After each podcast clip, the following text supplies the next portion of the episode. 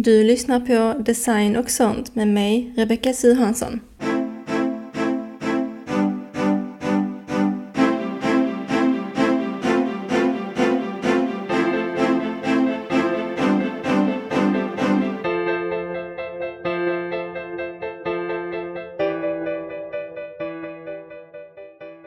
Är du trött på hur det visuella kring ditt varumärke ser ut och har nu bestämt dig för att äntligen ta hjälp av en designer?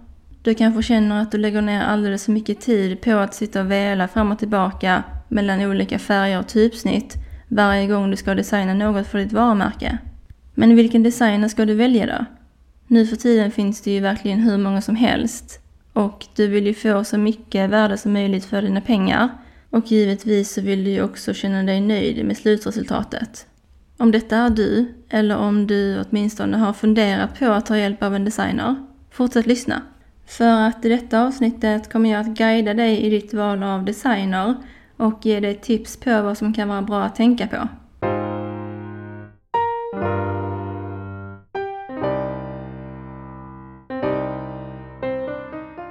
För att veta vad för designer du ska söka efter så måste du ju först veta vad du har för behov och vad du vill få ut av att anlita en designer. Ett lite slarvigt misstag som många gör när de söker efter en designer är att de tror att alla gör samma sak. Jag exempelvis som är väldigt tydlig med att jag är just varumärkesdesigner får ändå orimligt många förfrågningar om eh, webbdesign eh, vilket är ju en helt annan typ av design. Så för att spara dig själv och andra tid, var noga med att kolla på vad de kallar sig själva och vad de erbjuder innan du kontaktar dem. Något annat som är värt att notera här är att eh, vad man gör i sitt företag har rätt stor betydelse för vad man behöver när det kommer till design. Alla har givetvis behov av en visuell identitet, alltså logotyper, en färgpalett, typografi etc. Men utöver detta så skiljer sig behoven åt rätt mycket. Exempelvis om man säljer fysiska produkter så använder man sig ofta mycket av trycksaker. Det vill säga skyltar, visitkort, prislistor, eh, material till paketering såsom klistermärken, omslagspapper och så vidare. Men om man däremot säljer tjänster och jobbar mestadels digitalt så är man oftast inte i behov av så många trycksaker utan då har man mer nytta av eh, digitalt material såsom kanske mallar eller innehåll till eh, sociala medier.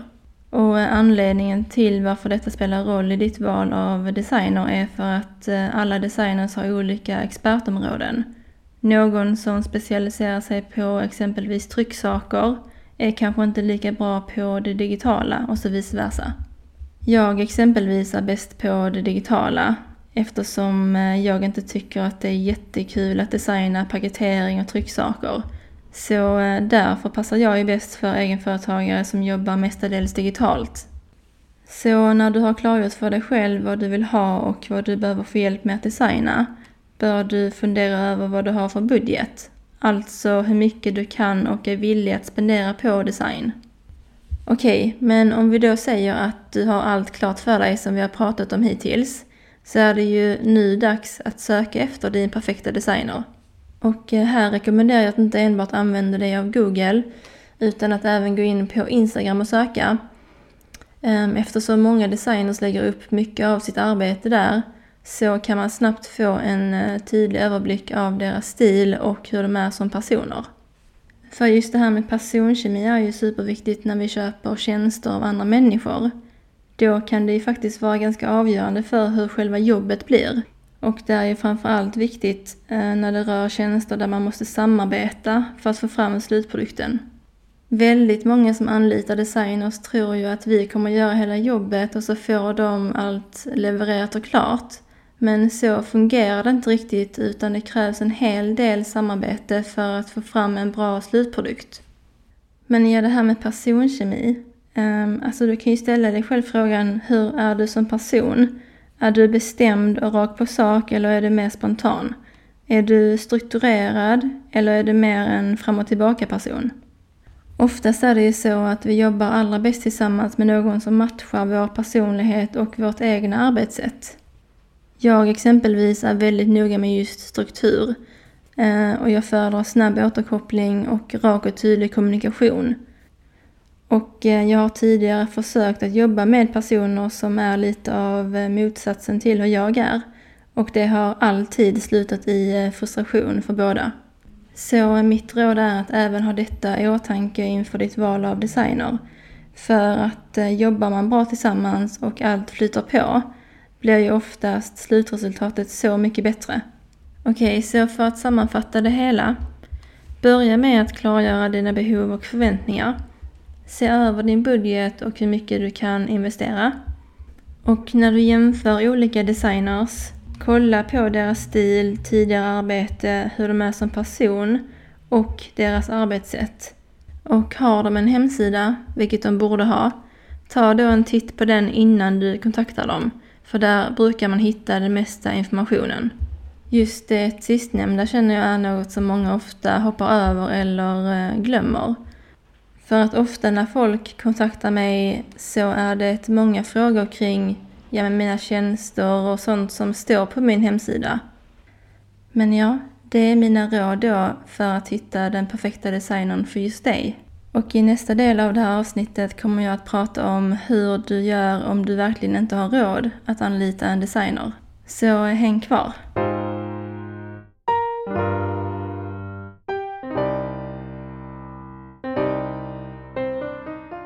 Okej, nu har vi gått igenom hur du går tillväga för att hitta rätt designer för just dig. Men vad gör du om du verkligen inte har råd just nu att anlita en designer? Just det tänker jag att vi ska prata om nu. För man kan ju inte anta att alla har råd till att investera i det och det och det. Speciellt inte när man är relativt nystartad. Sen tycker jag ju visserligen att just varumärkesdesign borde vara en av de första sakerna man investerar i Eh, och något som bör prioriteras.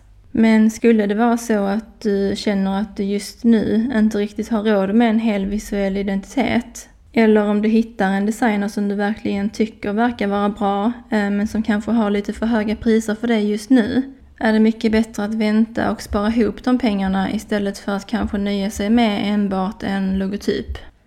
Alltså mitt allra bästa råd till alla typer av egenföretagare är att om du ska investera i design, gör det då ordentligt. För att i slutändan så kommer det spara dig så mycket tid, eh, energi och pengar. Ett av de största misstagen många gör när det kommer till varumärkesdesign är just att inte göra det ordentligt och att sprida ut det. Det är väldigt vanligt att man börjar köpa enbart en logotyp för att man tror att det är det viktigaste. Och sen så kommer allt annat efterhand. Färger, typsnitt och andra visuella element. Och eh, då får man liksom aldrig den här helheten som egentligen är poängen med varumärkesdesign. Varumärkesdesign kan ju verkligen vara en tillgång för ens företag om den är baserad på en genomtänkt strategi. För syftet är ju inte enbart att det ska se snyggt ut utan det ska ju hjälpa företaget att eh, nå sina mål. Eh, oavsett om det är att få fler kunder eller att öka försäljningen eller att eh, nå ut till rätt målgrupp. Och detta är då anledningen till varför jag avråder dig från att enbart köpa en logotyp eftersom då försvinner ju hela syftet och eh, det blir liksom ingen tillgång för dig i ditt företag. Sen är det ju också den här grejen med att många som är nystartade men även alltså erfarna egenföretagare helt ärligt försöker ibland att göra varumärkesdesignen själv fastän de kanske inte alltså alls har någon erfarenhet eller kunskap kring eh, design. Och oftast tror jag att det handlar om att spara pengar. Men jag tror också att det ibland kan handla om att eh, man inte riktigt ser värdet i att anlita en professionell designer. Eller att man inte riktigt förstår allt som ligger bakom att ta fram en hel liksom, varumärkesstrategi och en visuell identitet. Men eh, ja, oavsett så är det någonting jag verkligen avråder från att göra. Alltså om det nu är så att man har en väldigt begränsad budget eller inte alltså helt enkelt har råd alls att anlita någon. Då är ju mitt råd som jag nämnde innan att vänta tills man har råd och då investera i det ordentligt. Något annat man skulle kunna göra är också att eh, om man nu väl hittar en designer man verkligen skulle vilja ha hjälp av, att eh, diskutera med den, eh, alltså då menar jag inte att pruta, men att diskutera fram en lösning som passar båda och som båda är okej okay med. Det är ju trots allt en annan människa och en del designers är nog villiga att exempelvis dela upp betalningen på något sätt så att du inte behöver betala allt på en gång. Men jag vill också säga att om det är så att du känner att du behärskar design rätt bra själv, men kanske inte är en professionell designer, så kan du ju göra det mest grundläggande själv tills du kan anlita någon som kan hjälpa dig med eh, alltså hela biten. Jag eh, vill dock förtydliga här att jag alltså inte menar att du bör designa din logotyp i program som Canva eller liknande. Utan vad jag menar är att om du har tillgång till exempelvis Illustrator eller liknande så skulle du kunna liksom slänga ihop en logotyp själv och sen så fort du har råd anlita en professionell designer som kan hjälpa dig med att göra en så kallad rebranding.